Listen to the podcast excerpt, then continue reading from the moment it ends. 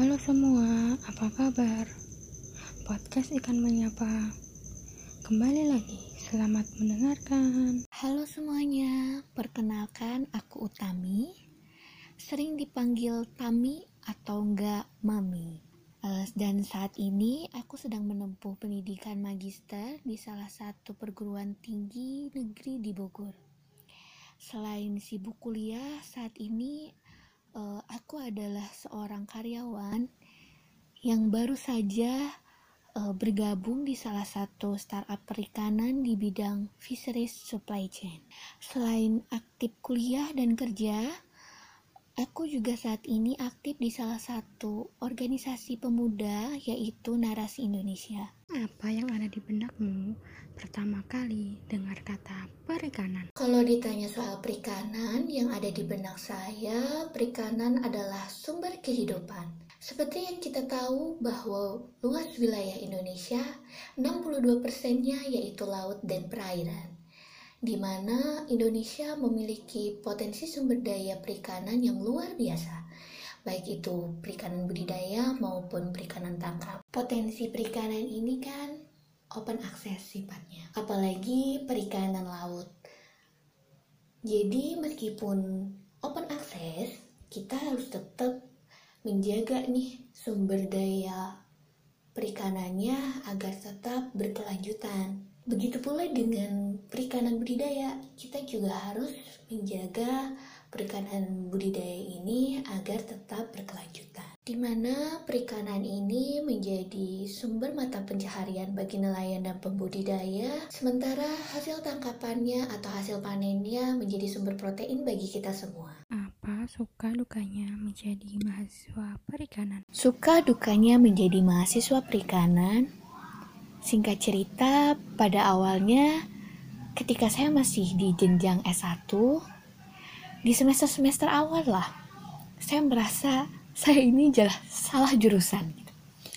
Tapi ketika saya sudah masuk masa orientasi di kampus, di fakultas maksudnya, terus saya sudah eh, masuk di jurusan karena pada saat itu eh, kalau di kampus saya memang ada eh, jenjang kesetaraan antara semester 1 dan semester 2. Baru di semester 3 kita eh, masuk di fakultas atau di jurusannya.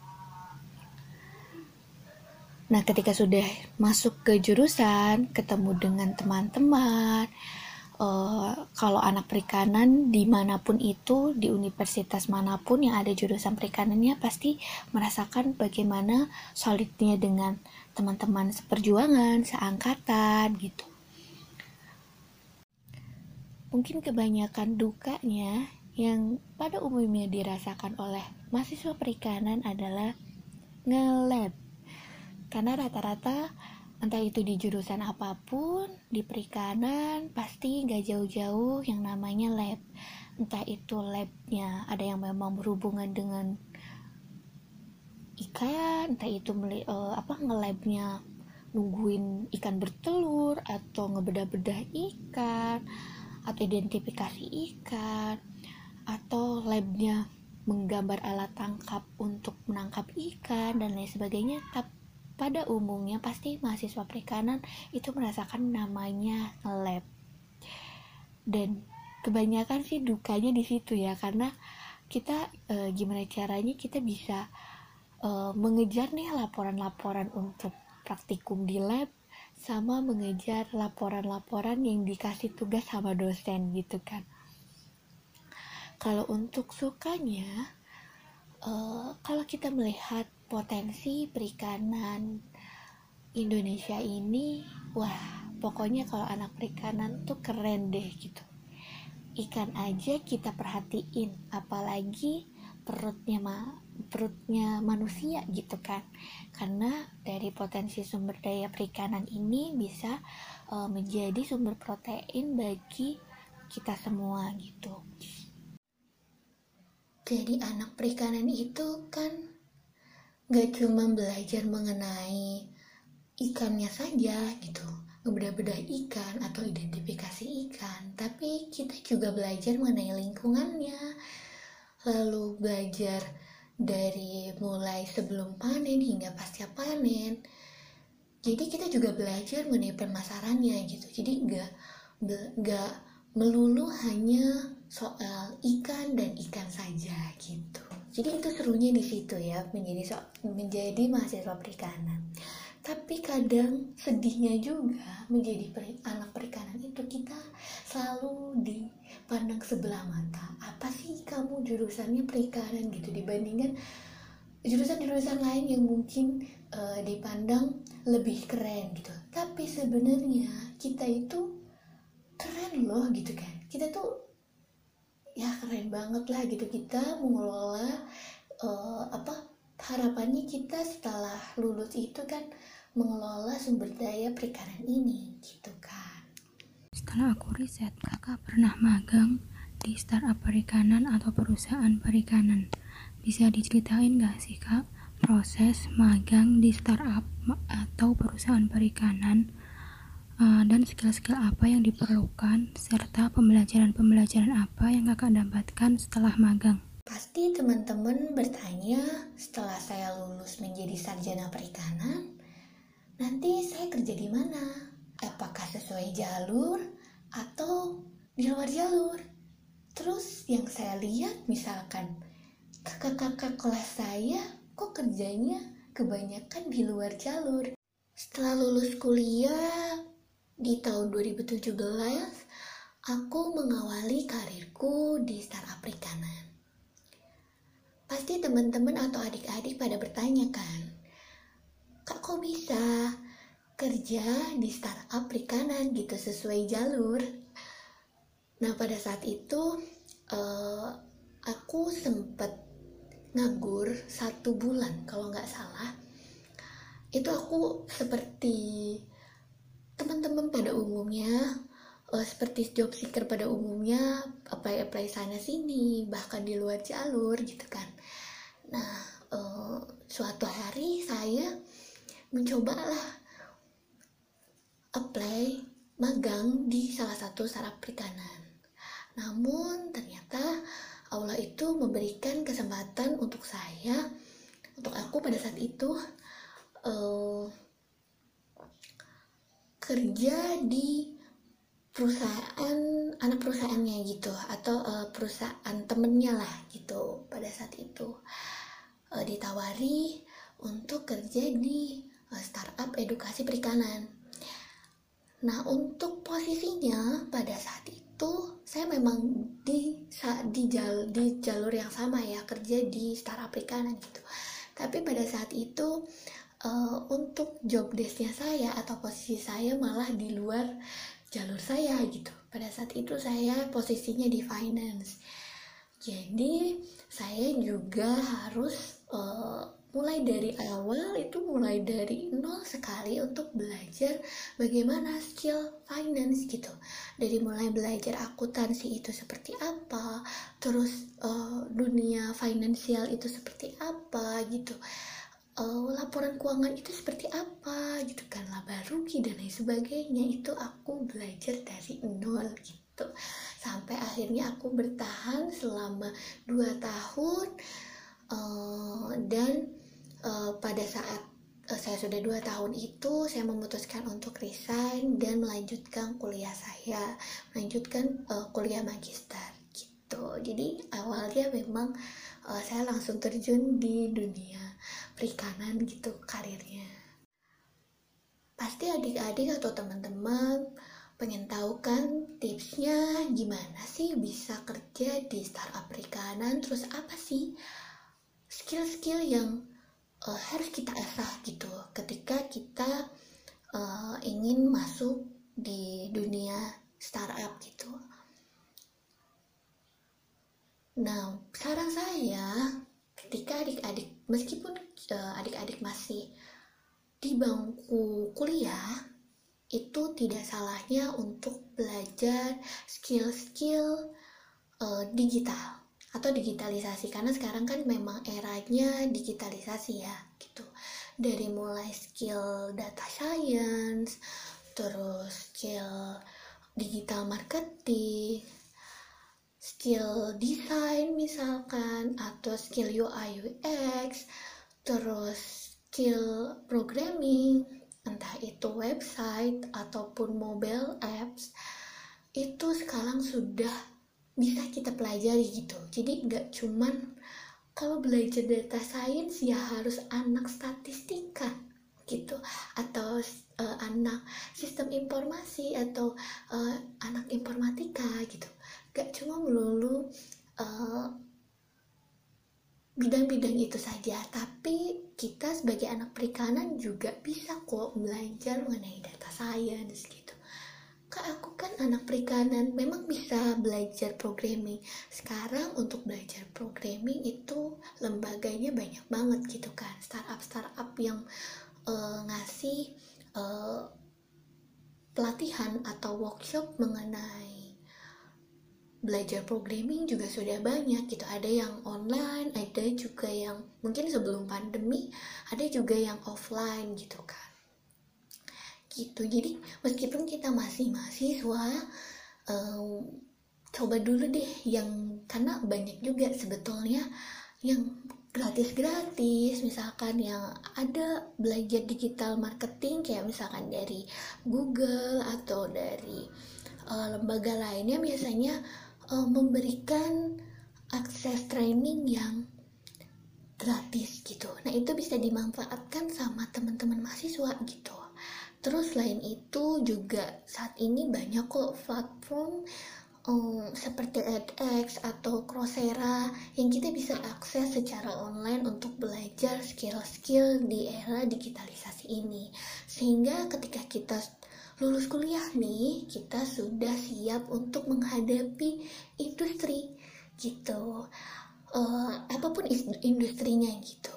Karena kan yang namanya kita sudah lulus, kita pengen dapat cuan gitu kan um, meskipun kita nggak di sesuai jalur gitu kan tapi kita sudah dapat uh, bekalnya ketika kita masih kuliah gitu karena kita nggak bisa pungkiri bahwa ketika kita kerja itu kita harus sesuai jalur nih gitu. Tapi pada kenyataannya memang di lapangan itu ketika kita lulus masuk industri ya kita harus siap-siap dengan tantangan uh, mau tidak mau kita harus menghadapi apakah kita di satu jalur atau di luar jalur gitu. Dan kita harus bisa um, namanya mempersiapkan lah gitu segala kemungkinan gitu. Gitu sih kalau tips saya ya yang uh, yang saya uh, lakukan gitu. Ketika uh, saya sedang kuliah gitu. Apalagi ketika saya yang saya rasain sih ketika saya kuliah magister gitu. Jadi saya banyak uh, mempelajari skill-skill digitalisasi ini gitu pasti kan teman-teman pada bertanya kak belajar digital marketing emang apa hubungannya dengan perikanan gitu Coba bayangin kalau misalkan kita memang pahit-pahitnya tidak diterima oleh beberapa perusahaan misalkan. Tapi kita sudah punya skill digital marketing misalkan. Kita bisa buka usaha sendiri gitu kan. Kita bisa buka uh, jadi entrepreneurship gitu dan kita sudah punya skill itu kita tinggal uh, berjualan atau bikin bisnis sendiri dan kita sudah punya pondasinya gitu. Sudah mengerti gimana sih caranya pemasaran secara digital gitu. Nah itu mungkin um, manfaat-manfaatnya ketika kita mempelajari skill-skill yang uh, bisa menunjang ketika kita pasca lulus kuliah gitu. Ya saat ini kalau nggak salah kakak memiliki bisnis atau usaha di bidang perikanan uh, namanya itu halomikan.id nah bisa diceritain gak sih kak gimana terbentuknya itu dan itu adalah bisnis seperti apa atau bidang di bidang budidaya, pengolahan atau yang lainnya. Selain sibuk kuliah dan saya juga ketika S2 ini memang mengambil beberapa job uh, internship dan uh, part time gitu. Jadi selama dari semester 1 ke semester 5 sekarang itu memang aku kuliah sambil kerja gitu.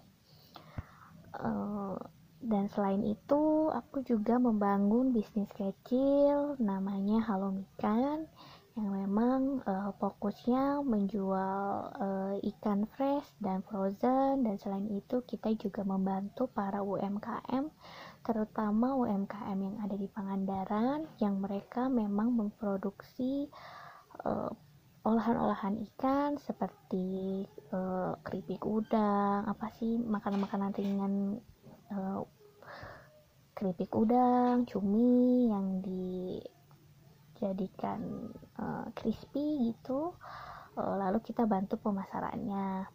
Nah untuk yang uh, fresh dan frozen itu saya awali uh, dengan uh, kolaborasi dengan teman saya yang memang dia uh, asli dari daerah pesisir. Uh, terus kita awal iseng-iseng coba tawarin ke ibu-ibu dan bapak-bapak yang ada di komplek kontrakannya teman-teman teman-teman kita. Ternyata responnya baik. Terus kita coba buat uh, promosi ke dosen-dosen dan ternyata disambut dengan baik. Dan sampai akhirnya kita bisa uh, mendistribusikan atau memasarkan uh, produk uh, fresh dan frozen tersebut ke wilayah Jabodetabek gitu. Yang awalnya cuman untuk konsumsi uh, rumah tangga aja nih atau retail gitu ya yang cuman uh, dijual per kilo gitu ikannya. Uh, sampai ke kita bisa pasok ke beberapa restoran uh, restoran seafood gitu. Dan uh, beberapa uh, restoran biasa dan catering terus ke beberapa UMKM seperti lagi hype-nya tuh waktu zaman ada bakso uh, lobster kita juga sempat uh, beberapa kali uh, support untuk uh, menjadi pemasok uh, untuk kebutuhan bakso lobster pada saat itu. Beberapa UMKM kecil gitu kan membuat uh, apa bisnis atau usaha uh, bakso seafood gitu jadi kita support di situ. Gitu. Tapi saat ini memang uh, Halo Mikan lebih fokusnya ke produk olahan UMKM yang ada di Pangandaran gitu. Untuk yang uh, Presiden Frozennya saat ini sedang uh, sedang off dulu gitu gitu sih. Kalau untuk Halo Mikan memang itu awalnya adalah uh, bisnis bersama.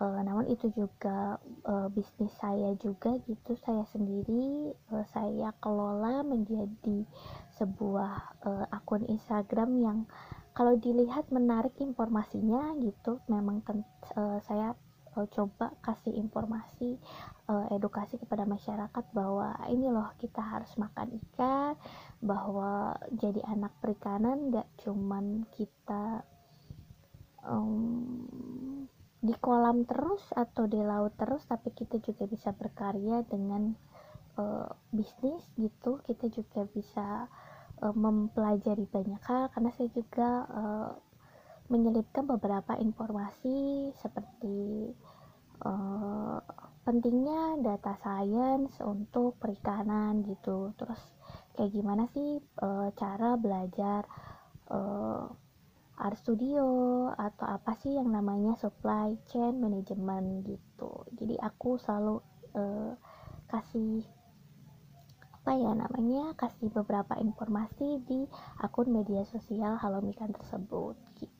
Awal membangun bisnis Halomikan ini pada saat itu aku sama temanku e, ngebangun dari tahun 2019 hingga pada saat ini gitu.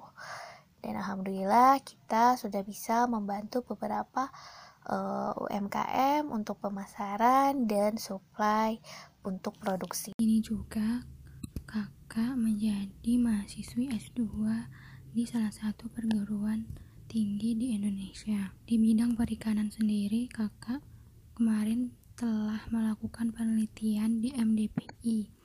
Nah, bagaimana sih Pak penelitian di saat COVID-19 ini? perbedaan-perbedaan apa yang terjadi dan kendala-kendala yang terjadi di lapangan seperti apa? Bisa diceritain, Kak? Teman-teman pasti penasaran kenapa sih kok bisa magang penelitian di salah satu NGO MDPI atau Masyarakat dan Perikanan Indonesia. Terus penelitiannya pada saat COVID-19, gimana sih caranya gitu kan? Bisa tembus dan bisa berkolaborasi penelitian dengan NGO. Pada saat itu yang saya lakukan pertama-tama adalah mencari topik riset apa yang sekiranya kita pengen teliti. Lalu setelah itu uh, saya lihat-lihat nih program kerja apa yang ada di NGO tersebut yang saat ini mereka sedang concern untuk meneliti atau uh, uh, apa program kerjanya tuh apa gitu di tahun ini kita bisa lihat di websitenya mereka setelah kita dapat informasinya dan dirasa oh sepertinya uh, ini nyambung nih dengan topik penelitian kita. Setelah itu barulah uh, kita mengkontak uh, eh, NGO tersebut, entah itu via email atau melalui nomor yang tertera pada websitenya. Nah, setelah kita menjawab, mendapatkan jawaban dari mereka, biasanya mereka akan mengarahkan kita untuk membuat surat dari uh, apa mengurus administrasinya uh, dari kampus untuk diberikan ke mereka gitu. Uh, sebetulnya banyak sekali NGO-NGO yang memang kalau boleh ceritain juga kak sedikit mengenai penelitian yang kakak lakukan di MDPI itu. Spoilernya um, tentang penelitian aku uh, aku penelitian di daerah provinsi Maluku Utara memang sangat jauh sekali dari tempat tinggal aku dan dari kampusku juga memang sangat jauh. Uh, penelitiannya mengenai tuna, tuna uh, skala kecil atau handline.